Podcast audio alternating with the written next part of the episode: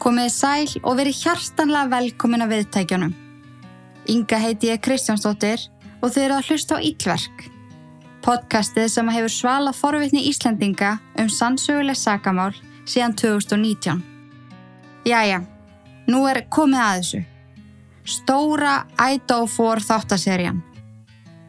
Ég ákvaða að útbúa þessa þætti því að ég er búin að fá gríðalegt magn fyrirspurna um að gera þátt með öllum upplýsingum sem hafa komið út frá því að þetta átti sér stað þann 13. november 2022 þegar fjórir háskólanemendur, parið Sana og Ethan og bestu vinkonurnar, Kylie og Matti, búsetti í Moskó, Idaho, voru stungin til bana.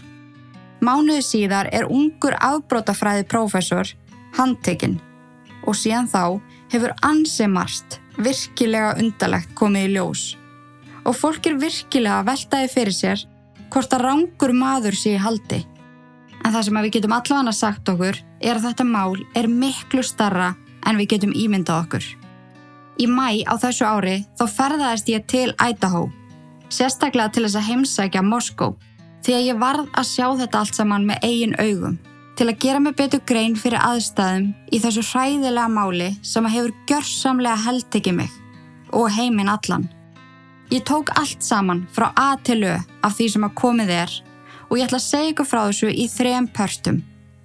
Næsti parstur kemur út 27. september og svo þriðji 1. oktober. Áskrifundur Íllverk fengu alla þrjá partana þann 1. september. Svo ef þið getið ekki beðið, getið þið skellt ykkur inn á íllverk.is og skráð ykkur í áskriftina. Hún kostar 950 krónur á mánuði Þið fáið 5 ný mál í hverju mánuði og aðgang að næstu 300 auka þáttum. Ekki amalegu dýtt þó þið segið sjálf frá og tryggir ykkur trúkræmefni allan ársins ring því að áskriftin tekur sér aldrei frí. Þessi þáttur er í bóði heimaskipulag.is, 6 langtímalegu og K18 á Íslandi. Og þegar að líðar á þáttin muni deila með ykkur áhugaverðum upplýsingum um þessi frábæru fyrirtæki auk afsláttakóða sem að þið geti nýtt ykkur.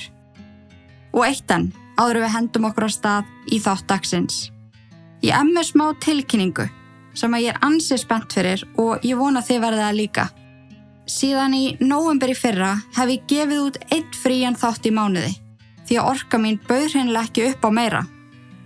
En með gleði í hjarta og miklu stolti tilkynni ykkur það að fjórir fríi þættir í mánuði munur snúa aftur í oktober. Ég er virkilega glöð með þessa ákvörðun því að ég verða viðkjöna að ég hef búin að sakna ykkar og það hefur verið mjög skrítið að gefa bara út eitt þátt. Svo litið eins og að vant eitthvað í líf mitt. Þannig að stay tuned eins og unga fólki segir og nú setið uppi með mig fjóru sinum í mánuði. En ok, þetta er allt sem ég vildi sagt hafa og ég skal ekki tefja þetta sekundu lengur. Hendum okkur að stað í mál dagsins. Idaho 4 Fyrsti þáttur af þrem. Gjör þið svo vel.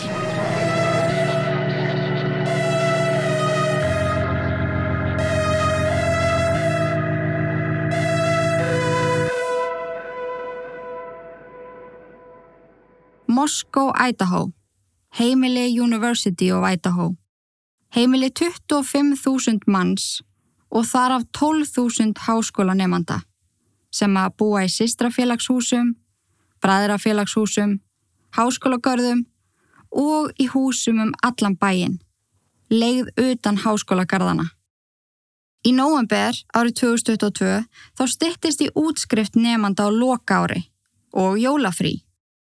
Margi nefndu voru farnir heim til fjölskeldna sinna, margir voru enni bænum að klára síðustu prófin og margir urðu líka eftir til þess að fara á síðasta ball annarinnar, formal ballið, þar sem allir klættu sig í sitt fínasta pús og djömmuðu saman í síðasta skipti fyrir jólafrí og sömur í síðasta sinn á sinni skólagöngu í Idaho University.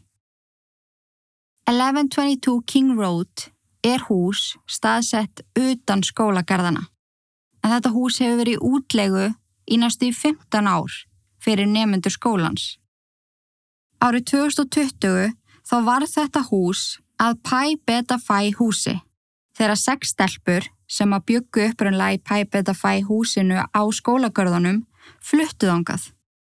Það er ekki vita af hverju þau fóru úr sýstrafélagshúsinu sjálfu en yfirlegt er ástæðan svo að regluna þar eru strángar. Hún mátt ekki hafa læti eftir klukkan tíu. Það má ekki hafa áfengi við hönd og sérstakir háskólagarða laurugluþjónar sinna því starfi öll kvöld að lappa um körfin og fylgjast með því hvort að allir sé ekki fara eftir reglunum. Svo það er yfirlegt ástæðan fyrir því að nefnendur flytja af skólagörðunum og leia hús inn í bænum. En ein af þessum sex sistrafélags meðlemum var Mattisson May Mogan. Hún var dóttið þeirra Benjamin og Karen, fætt 25. mæ árið 2001 í Cortea Lene sem var ótrúlega fallegur bær rúmlega einum og hálfum klukkutíma frá Moskó. Hún var að læra markasfræði í háskólanum og var meðlemur Pi Beta Phi sýstrafélagsins, alveg frá því að hún var á fyrsta ári í skólanum. Fljóðlega eftir hún flutti í bæin fekk hún vinnu hjá veitingastæðnum Mad Greek og margi vilja meina að þar fáir þú bestu vegan pítsur í Idaho. Madison var smávaksinn, ljósherð með blá augu og hrókur alls fagnar.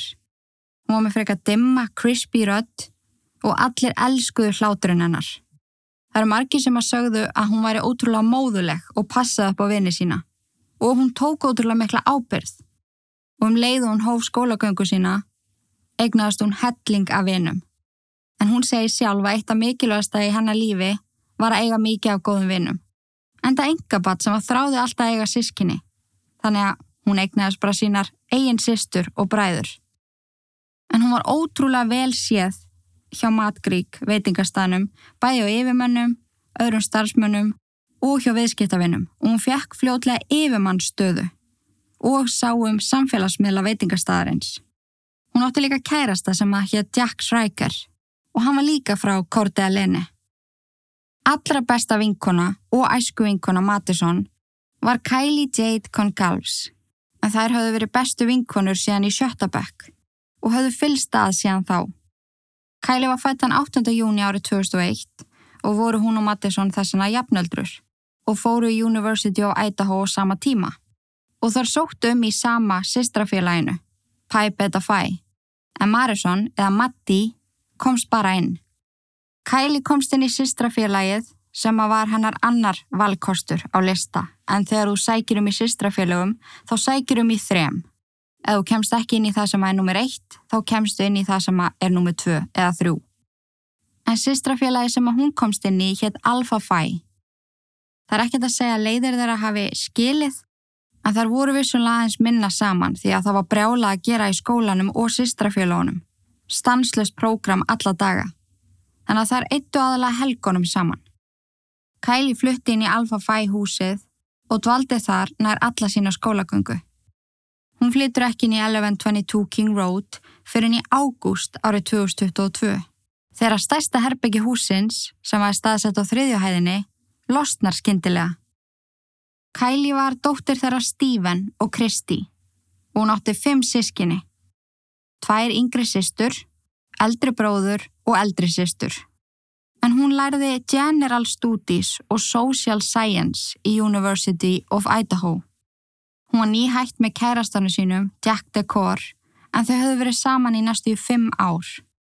En það sem að Kylie stemdi á að flytja til Texas eftir útskrift að vinna hjá tækni markaðsfyrirtæki sem að hún var búin að vera nemi hjá í langan tíma, þá sá hún fyrir sér að breyta hans til og prófa nýja hluti. Hann að leiðir þeirra skilja þegar þau eru bæði á loka ári í University of Idaho.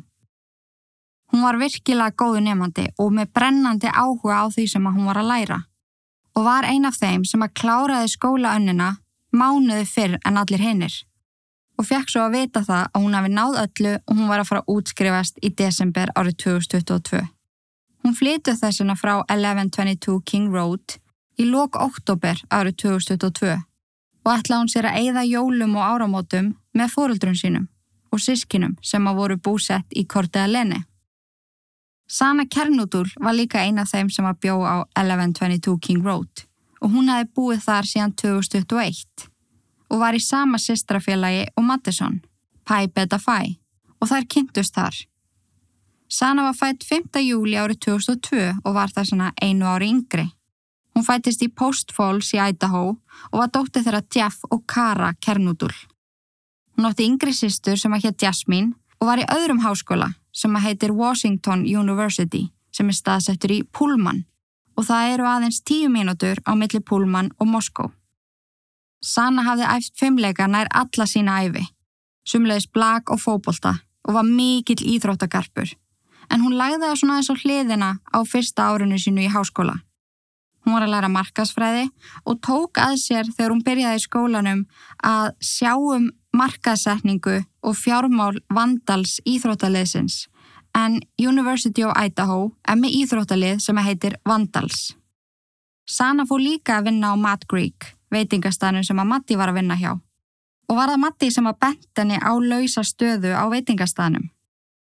Sana var búin að vera hitta strák í nokkra mánuði eða síðan um sömarið 2022 og var sambandið þeirra orði frekar alvarlegt. En þessi strák var líka nefandi í University of Idaho og meðlumur Sigma Chai bræðrafélagsins. Hann hétt Ethan Chapin, fættur 28. oktober árið 2002, sonu þeirra Jim og Stacy og hann var þrýburi og átti því þrýbura sýsturina Macy og þrýbura bróðurinn Hunter. Hann var frá Mount Vernon í Washington en ákvað ásend sískinu sínum að sækja nám í University of Idaho þó sérstaklega út af íþróttabrautinni sem er mjög góð. En hann fyrir að spila fyrir fókbóltalið skólans, Vandals fútból og var að læra íþróttafræði og ferðamálafræði. Ethan bjó ekki á 1122 King Road. Heldur kom hann mjög reglulega í heimsók til sönu kærustuna sinnar og fekk að gista en annars var hann búsettur á nefndagörðunum með sískinum sínum og eitti sumilegis miklum tíma í Sigma Chai húsinu sem er í gungufæri við 1122 King Road húsið en það er aðeins eitt tún á milliðra sem ert enga stund að lappa yfir. Það byggur tvær stelpur til viðbótar á 1122 King Road og voru þar báðar meðlemið Pi Beta Phi sýstrafélagsins, alveg eins og Matti og Sanna en þetta eru þær Bethany Funk og Dylan Mortensen sem eru báðar fættar árið 2002, jafngamlar Sanna og Ethan. Þannig að Matti hafi búið aðna síðan 2020, Sanna hafi búið aðna síðan 2021 og það er ekki fyrir í ágúst árið 2022 sem allar þessar stelpur samanast undir sama þaki á 1122 King Road. Þann 11. november árið 2022 þá voru Matti, Sana, Dylan og Bethany einar eftir í húsinu því að Kylie hafði flutt út og flutt inn til foreldra sinna í Kortea Lene. Þannig að hún bjó bara þarna frá ágúst til november. En það er ekki vita nákvæmlega af hverju hún fer úr sýstrafélagshúsinu en það var herbyggi sem að losnaði skindilega í húsinu og mögulega langaði henn að eigða síðustu metrónum með Matti því að þær höfðu náttúrulega verið í sikkuru sýstrafélaginu allan ennan tíma og ekki fengið að eigða jafn miklum tíma saman og þær höfðu viljað. En þar sem að Kæli hafi klárað önnina mánuði á undan hinnum þá ákváði hún að fara snemma heim til fóröldra sinna og eigða með þeim jólum og áramótum. Og plani var ekki að fara til Moskó fyrir ná útskriftar aðtöfninu í desember. En Moskó og félagslífi þar kallaði klárlega í hana og hún vissi alveg að formalballinu sem að Bæpeta Fæ sýstrafélagi ætlaði að halda þann ellefta. En það var líka önnur ástæða fyrir því að henni langaði að fara aftur tilbaka. En það var að daginn áður, eða þann 10. november árið 2022, þó keift hún sér drauma bílinn sinn. En hún hafði marga mánuði veldi fyrir sér hvers konar bíl hún ætlaði að kaupa sér.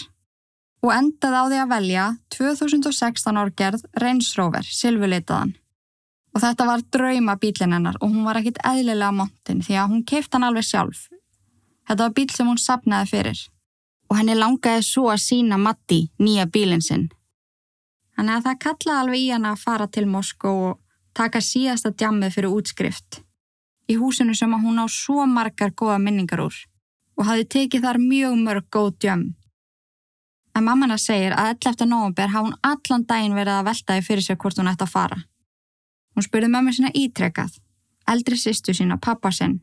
Hún ringdi líka oft í Mattisson og spurði hana hvort hann ætti að koma og Matti auðvitað hvart hana til þess. Henni langaði útrúlega að sjá hana.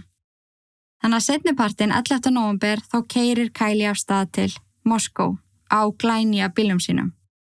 Og eftir að bóði fyrrum sambílingum sínum á rúndin og bestu vinkunni sinni Matti, þá var hafist handa við að gera sér tilbúin fyrir formalballið. Og að sjálfsögðu þá ákveða íbúar 1122 King Road að halda fyrirparti. En þetta hús var alveg þekkt partihús og þekkt fyrir stór fyrirparti, fyrir öll böll. Það var mjög algengt að um helgar þá mættu yfir 150 manns í partiðarna og fólk gekk svolítið að því vísu að það væri partistand í húsinu frá 50 degi til sunnudags í hverja einustu viku. Þannig að það er alltaf ekki svíkja neitt og halda gott parti. Og það er til alveg hellingur af myndum úr þessu parti þar sem að stelpunar eru klættar í sitt fínasta pús og eru skjálbrósandi að njóta lífsins og spenntar fyrir framhaldinu. Allt lífið er að var framöndan og svo ótrúlega spennandi tímar. Ferðalög og flutningar, þar voru sennilega mjög áhugjulösar.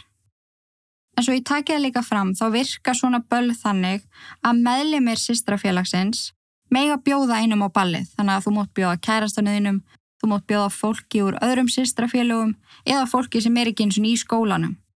Og það sem að Kylie var í öðru sýstrafélagi og þetta ball var haldið á vegum Pi Beta Phi, þá var það Dylan Mortensen sem að bauð Kylie á ballið. Og það er einmitt tilmyndaðum á Instagram saman þar sem að Kylie skrifar Dylans plus one. Dægin eftir voru allir svona frekar reyðgæðir eftir djammið. Og eitt af fyrsta sem að Kylie gerir er að fara á Starbucks og kaupa kaffi handa öllum. Og þetta er eitthvað sem hún gerði mjög reglulega og fjölskyldan hennar segir að hún hafi líka gert þetta heima við.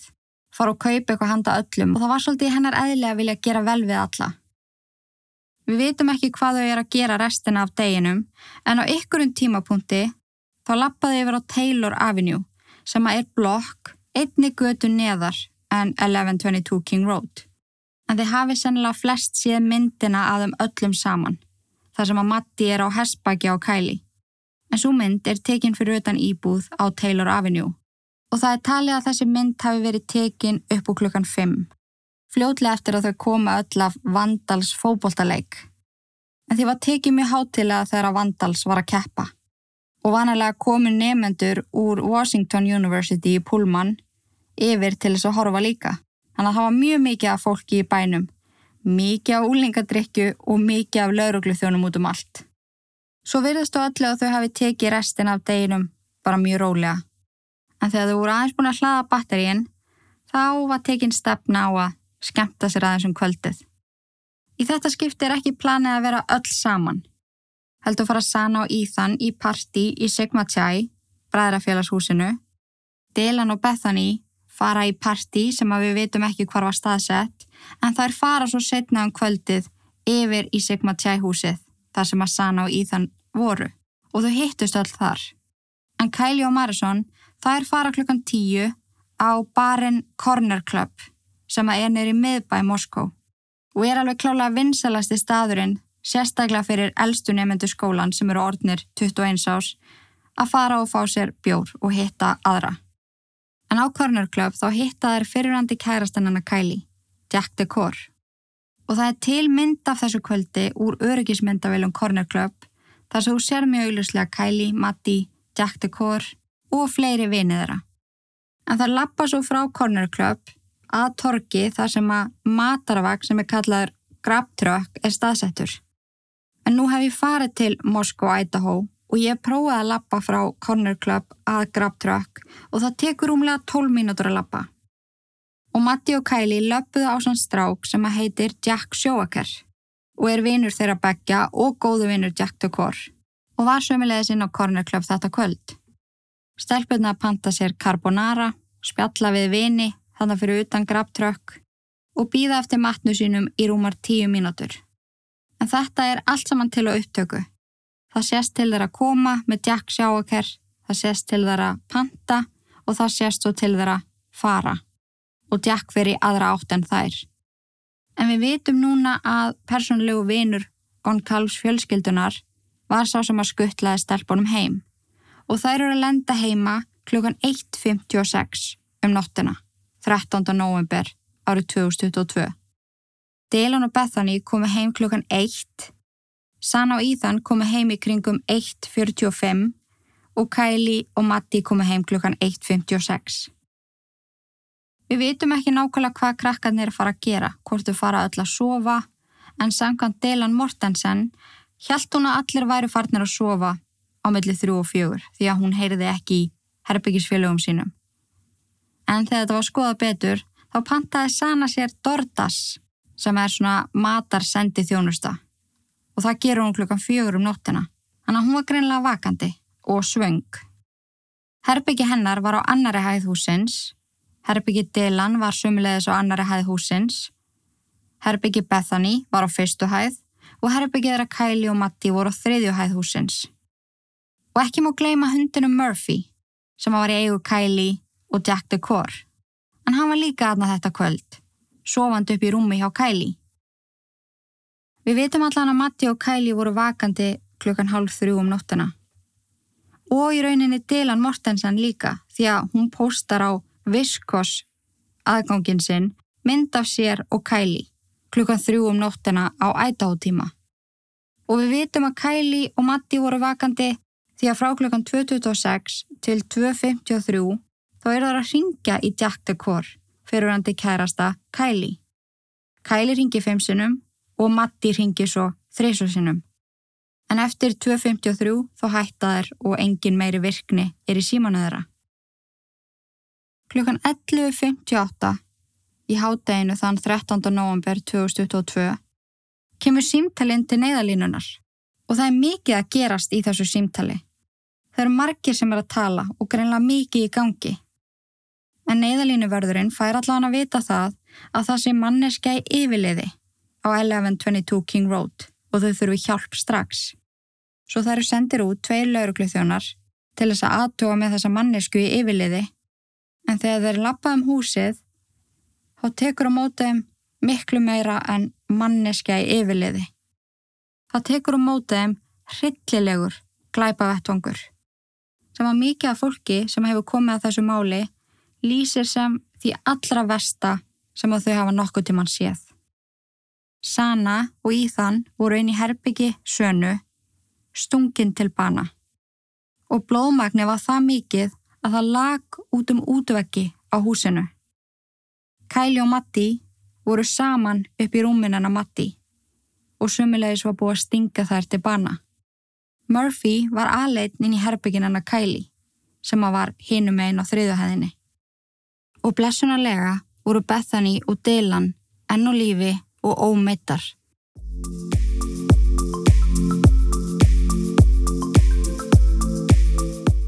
Ó, þessi fallega búið drauma minna.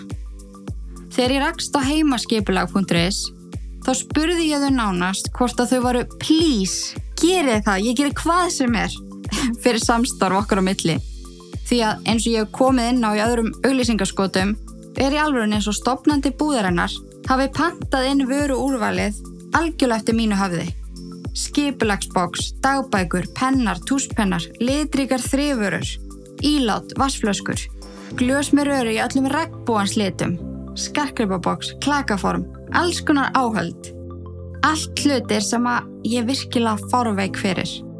Í síðasta auglýsingaskoti þá kom ég inn á Happy Planner sem að er eitt fallegasta vörumerki sem að ég augum litið dagbækur, límjar til að skreita þær og áfyllingar í dagbækurnar til þess að gera þær persónlegri og meira eftir þínu höfði. En í dag langaði mig að segja ykkur frá Porter vörunum sem að ég vægast sagt sjúki. Þetta eru fáránlega fallegar matar skipulagsvörur og hear me out. Þær eru í pastalitum, check. Þær eru marga hverjar úr gleri, check. Þær eru úr BPA fríðu gummi, tjekk. Og ef að þið viti ekki hvað það þýðir, þá er varan algjörlega laus við ódýra efnið bisphenol A sem að hefur í áraraður verið notað við framleiðslu á plastefnum. En það sem að kom svo í ljós er að þetta efni getur haft virkilega skadaleg áhrif á líkamann. Það fer inn í líkamann í gegnum öndunavegin, meldingavegin og húðuna og getur valdið innkýrtla röskun skemdum á vefjum ásandi að vera skadlegt fyrir ónæmiskerfið og tauga innkýrslakerfið, svo eitthvað sé nefnt. Þetta hljómaði kannski eins og latína en ég varð að koma inn á þetta. Passið ykkur á þessu efni og kjósið vörur án BPA eða úr gleri. Þú ert 100% örugur eða örug með porter vörurnar og ekki skemmir hvað þær eru fallegar og að þar megi fara í uppþóttavél.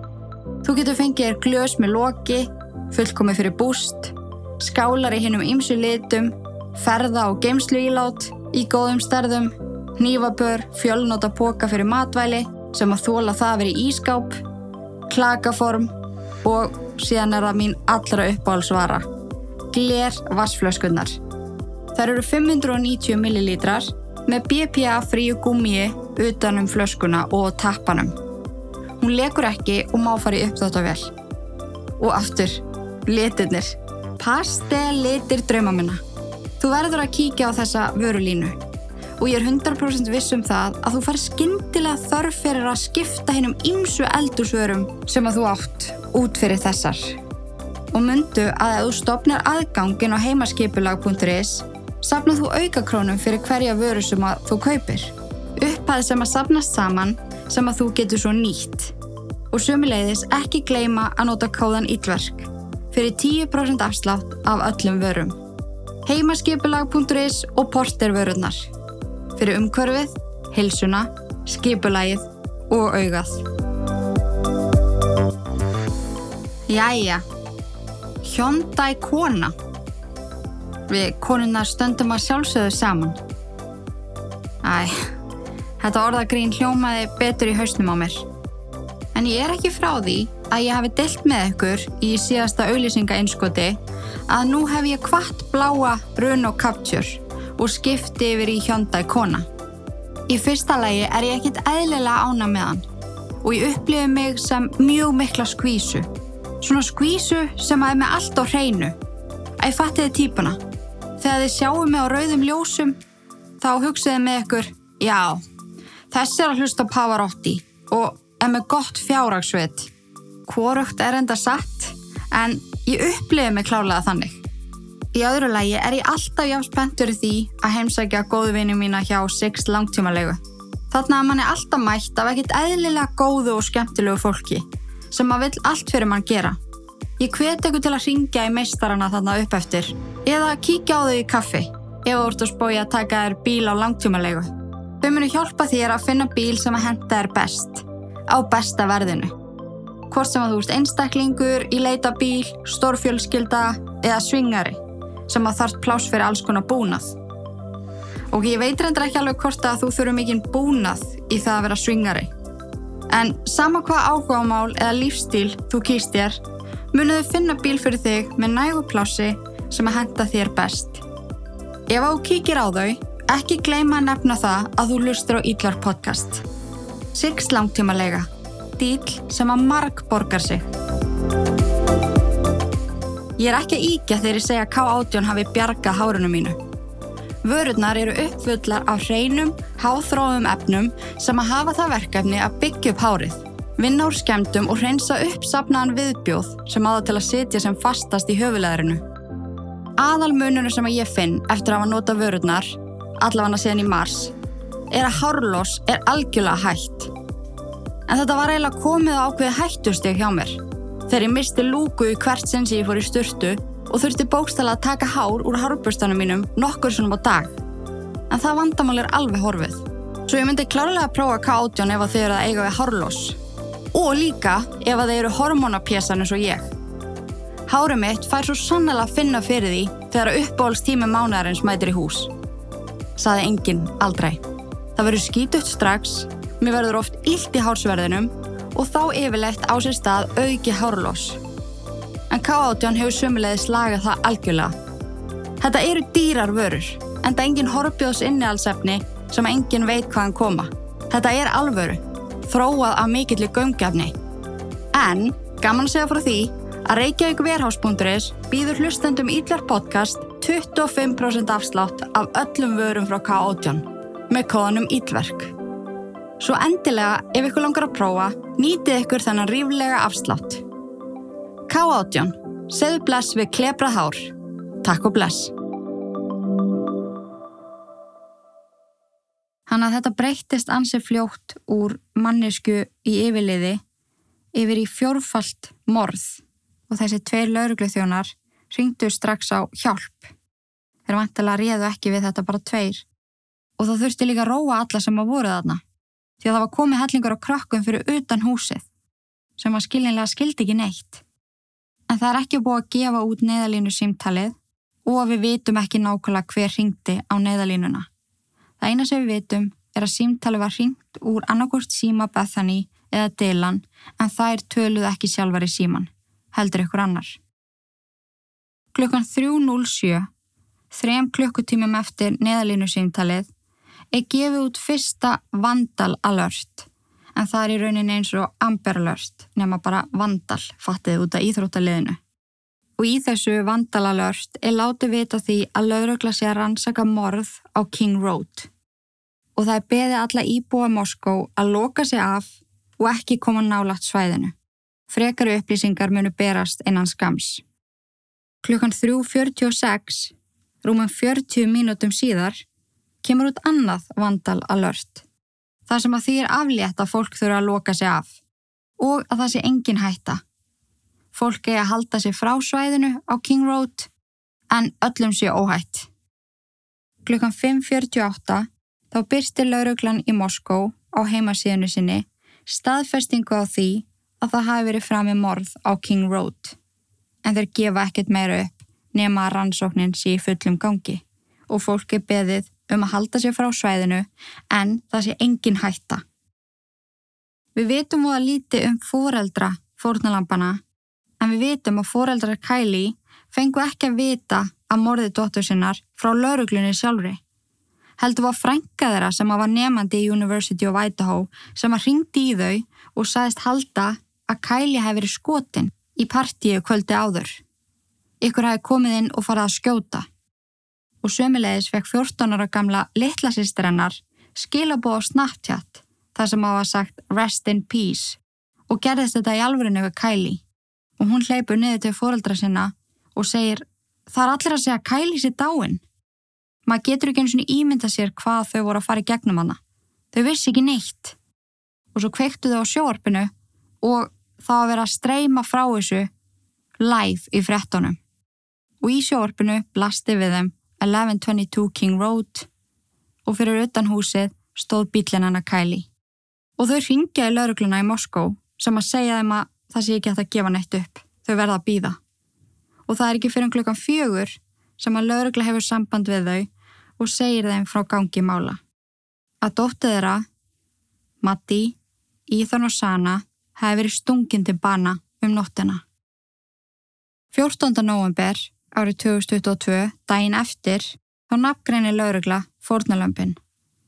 Kylie, Matti, Ethan og Sana.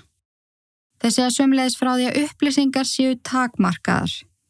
Það sé engin í varðhaldi, en telja samt ekki hættu með að við smáadreiði og upplýsingar sem að fundust á glæpavettvang.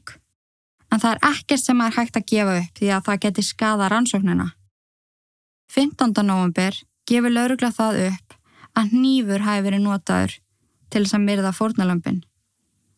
Þeir takaði aftur fram að þessi engin í varhaldi, það sé ekki búið að finna þannig nýf, en segja svo þarna í fyrsta skipti að þeir telji þetta Isolated Targeted Attack. Þetta sé sem sagt manneska sem að ætlaði sér að myrða eitthvað af þessum fórnulömpum eða þau öll og stemdi á það og að þeir telji að þessi manneska sé ekki að fara að gera það aftur. Isolated Targeted Attack og það er ítrekkað enn og ný að samfélagið sé ekki í hættu. Og þarna fyrir fólk að spyrja sig. Lörgla segir að sé engin grunaður í þessu máli. Hvernig er þetta haldaði fram að samfélagið sé ekki í hættu? Og flestir halda að laurugla hafi þarna vita miklu meira en þeir voru að gefa ljós. Og það perraði fólk. Setna þennan sama dag, 15. november, sendi laurugla frá sér aðra tilkynningu og í henni segja þeir Við skiljum áökjur ykkar, en við fullvisum ykkur um það að samfélagið er ekki í hættu og að gögn benda til þess að þetta hafi verið Isolated Targeted Attack. Þann 16. november, þrejum dögum setna, er haldin fyrsti bladamannafundurinn og einni sagt frá því að þennan dag fari krupning fram í Spokane. My name is Chief James Fry with the Moscow Police Department. I'm going to be reading from my notes today because I want the information you receive to be extremely accurate. We know you have questions, and so do we. That is why we're here. The Moscow Police Department would like to extend our condolences to all family members, friends, the University of Idaho, and the Moscow community. This was a horrible crime that took the lives of Ethan Chapin, Xana Kernodle, Madison Mogan, and Kaylee, Kaylee Goncalves. This horrible crime has affected all of us, the families, the University of Idaho, our community, our country, and our officers. As we continue our investigation, we have learned that Ethan and Xana were at a party on campus, and Madison and Kaylee were at a downtown bar. They arrived home sometime after 1:45. If anyone in our community or across our nation has any information about these times or the victim's whereabouts, please call our tip line. The facts of the case that we know right now. We know that these homicides occurred in the early morning hours of Sunday, November 13th. Around noon, Moscow officers received a call of an unconscious person. Officers discovered the bodies of Ethan Chapin, Xana Kernodle, Madison Mogan, and Kaylee Goncalves inside the residence on King Road. The four were stabbed with a knife, but no weapon has been located at this time.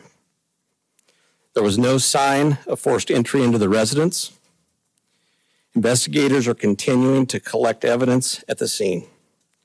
Investigators are working to develop a timeline to relevant events.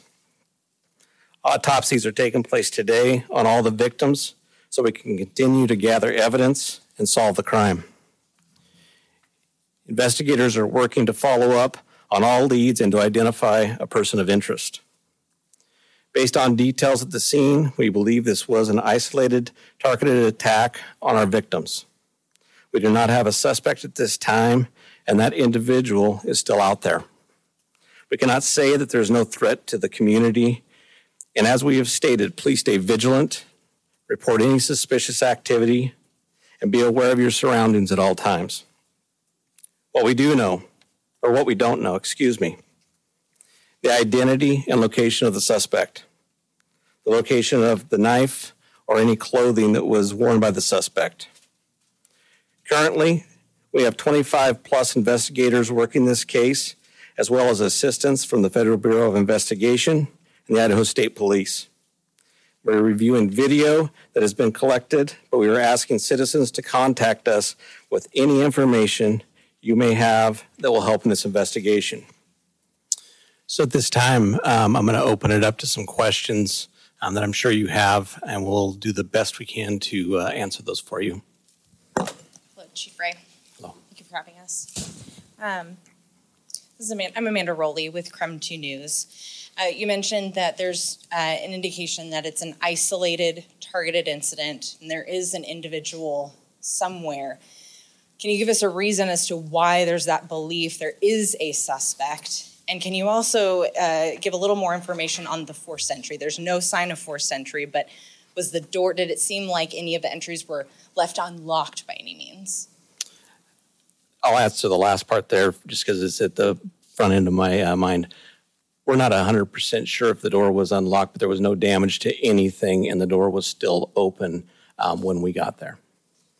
You asked for videos to, or anything from the community to help put together that timeline. Uh, we obtained a copy of Twitch video, and family members of the Gonsalves family were able to identify uh, Maddie and Kaylee in those videos at a food truck ordering food is the police department, our investigators aware of that video and, and has it helped put together that timeline? We are aware of that video and it has helped. It gives us um, a time and space where uh, we know that um, two of our victims were, and that helps us a ton. And we'll continue to follow up all leads that we can and um, continue to gather those.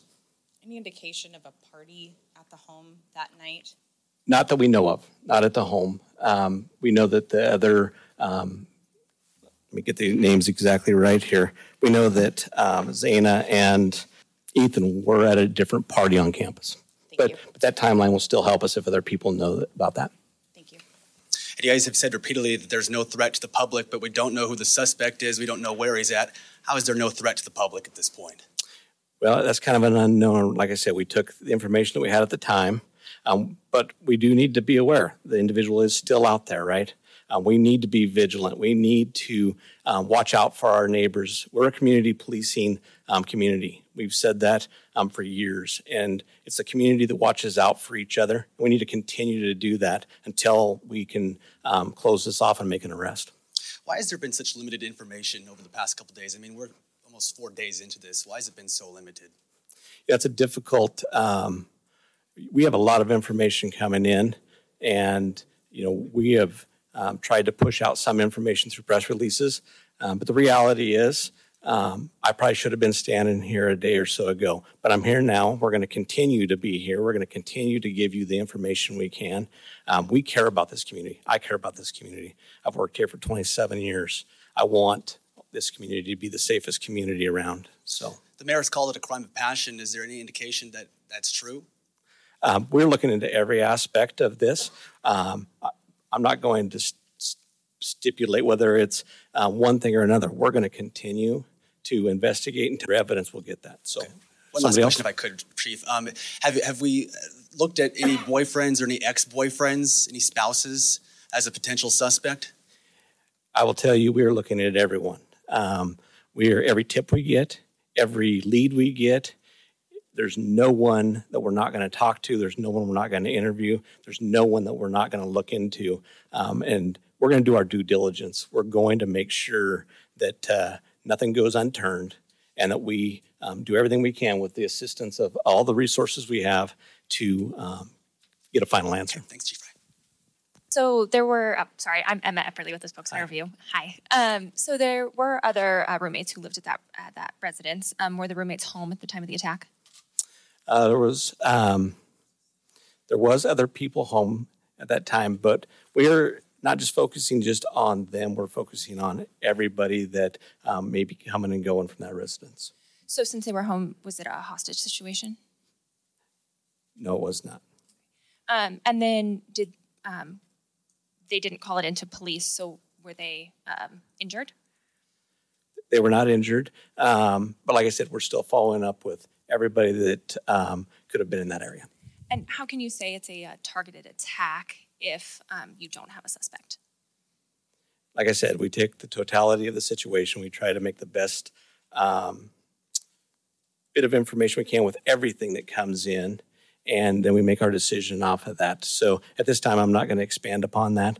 Um, but like I've said, we do have a suspect out somewhere, and we are looking for that individual to uh, solve this. Hi, uh, Rachel Sun, Northwest Public Broadcasting. I just want to clarify something you said earlier. Over the past couple of days, the information that we've been getting is there's not a threat to the public. And earlier, I heard you say you can't be sure that there is no threat. I just want to clarify what um, your stance is on that at this time. So we, we did believe, we still believe it's a targeted attack.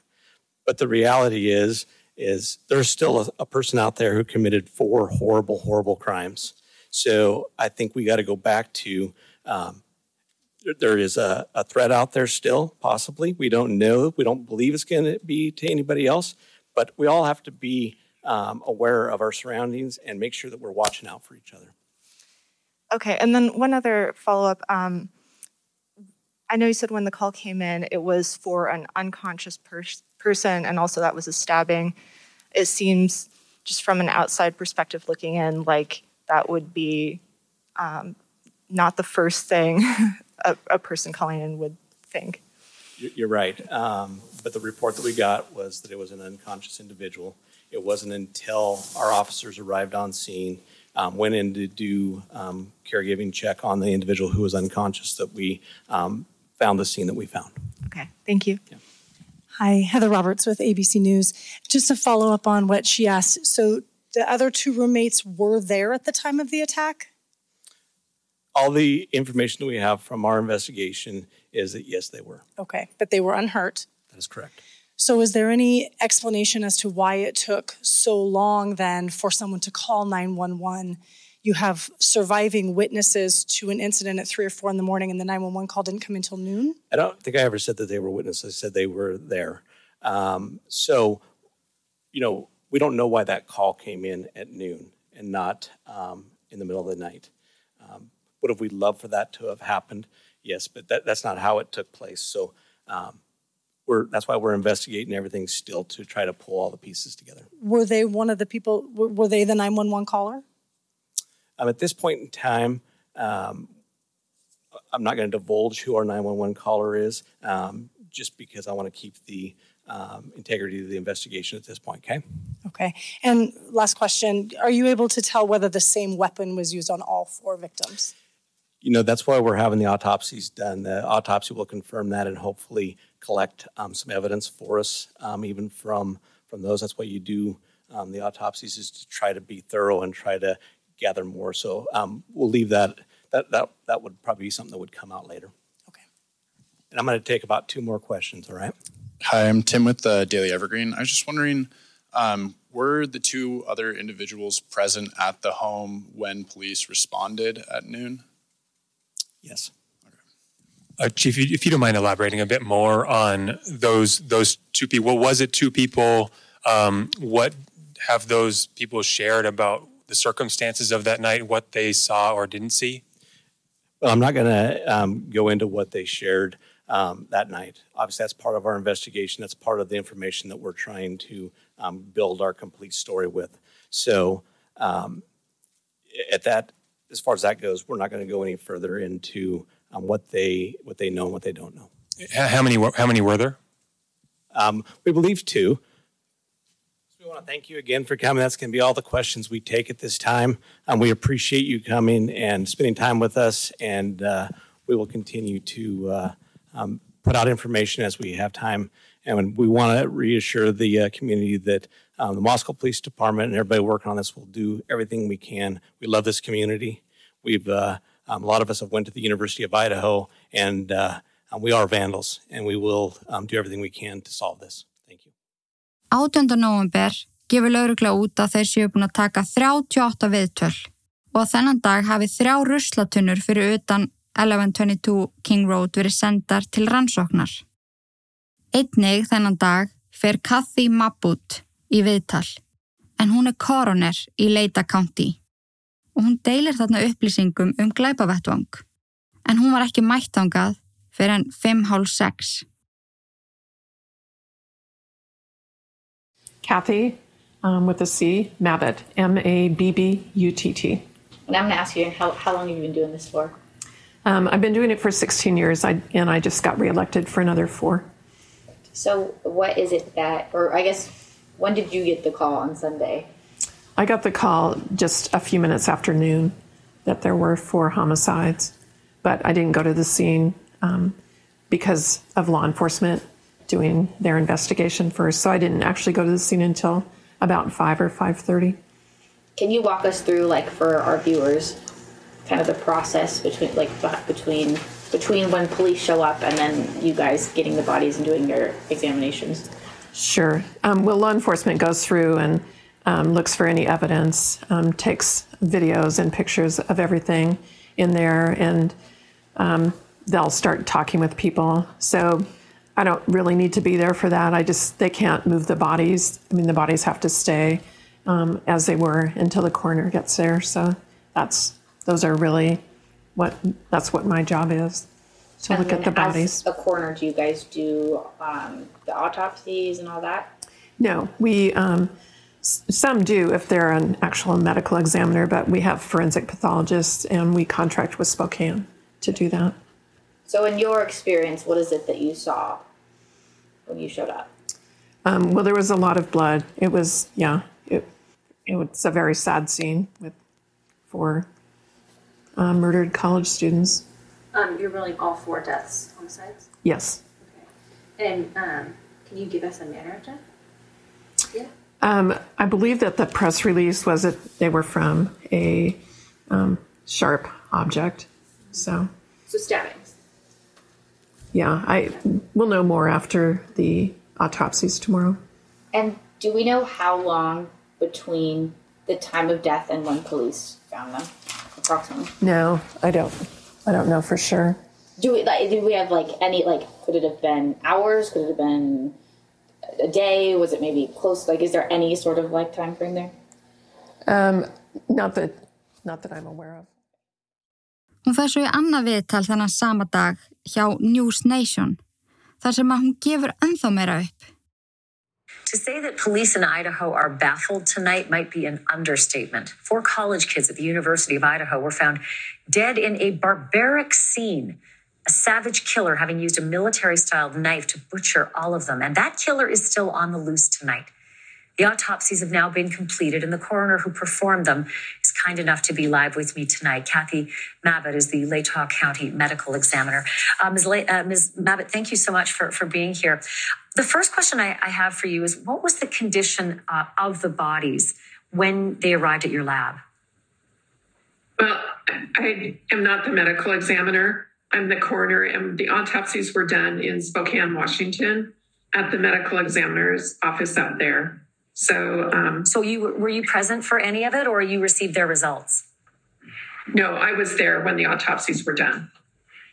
So, so were you able to determine um, that the the conditions of the bodies when they arrived? Yes, they had um, multiple stab wounds, and all of them have been ruled um, murders. All of them had been ruled, uh, ruled murders. Yes, it, you know I, I don't have to say the obvious, but it is extremely difficult to stab four people uh, to, to death. So that's why I asked the specifics about the conditions. Were there defensive wounds? Was there anything unique to their wounds that would have told a story? Um, there are likely some defensive wounds, but um, no, there just were a lot of stab wounds. And um, so, I mean, you know, it was late at night or early in the morning. So um, it seems likely that maybe they were sleeping.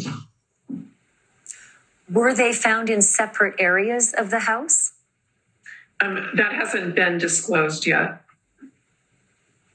Uh, can you tell me when you say that they might have been sleeping, were they found in beds? Um, yes. And so, can you tell me if there were multiple stab wounds per victim, or were these sort of you know, individual lethal uh, stab wounds that may have been um, less in number, but more in in uh, lethality.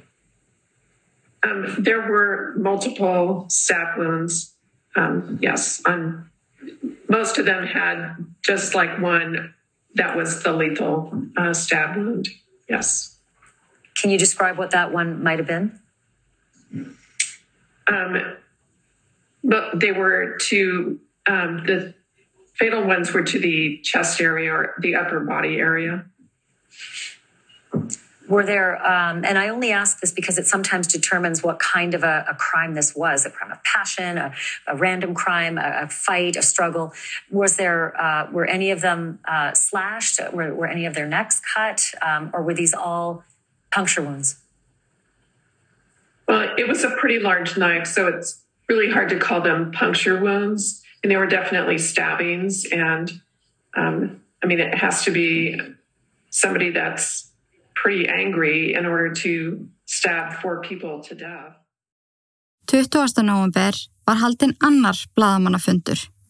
Það er engi grunaður, ekkert vopnaði fundist, það voru komin inn 646 tips, þeir voru búin að taka 90 viðtöl og það er sagt frá því þarna að fleiri hafi verið á glæpavettvang. Vinir þeirra sem að byggðu þarna. Aðelar sem að Delan og Bethany hafðu hringt í þarna morgunin. En þarna var talið að morðin hafi átt sér stað á milli 2 og 4 um nóttina. Og því var fólki í Moskó orði ljóst að Delan og Bethany hringdu ekki á neyðalínuna fyrir en 8 klukkutímum setna. Ef að morðin áttu sér stað á milli 3 og 4 og neyðalínu símtalið var ekki gert fyrir klukkan 12 hádegi, það er mjög langu tími. Og fólki fannst það mjög sérstakt, en laurugla vildi ekki gefa neitt upp. En þetta var mín yfirferð yfir Idaho 4.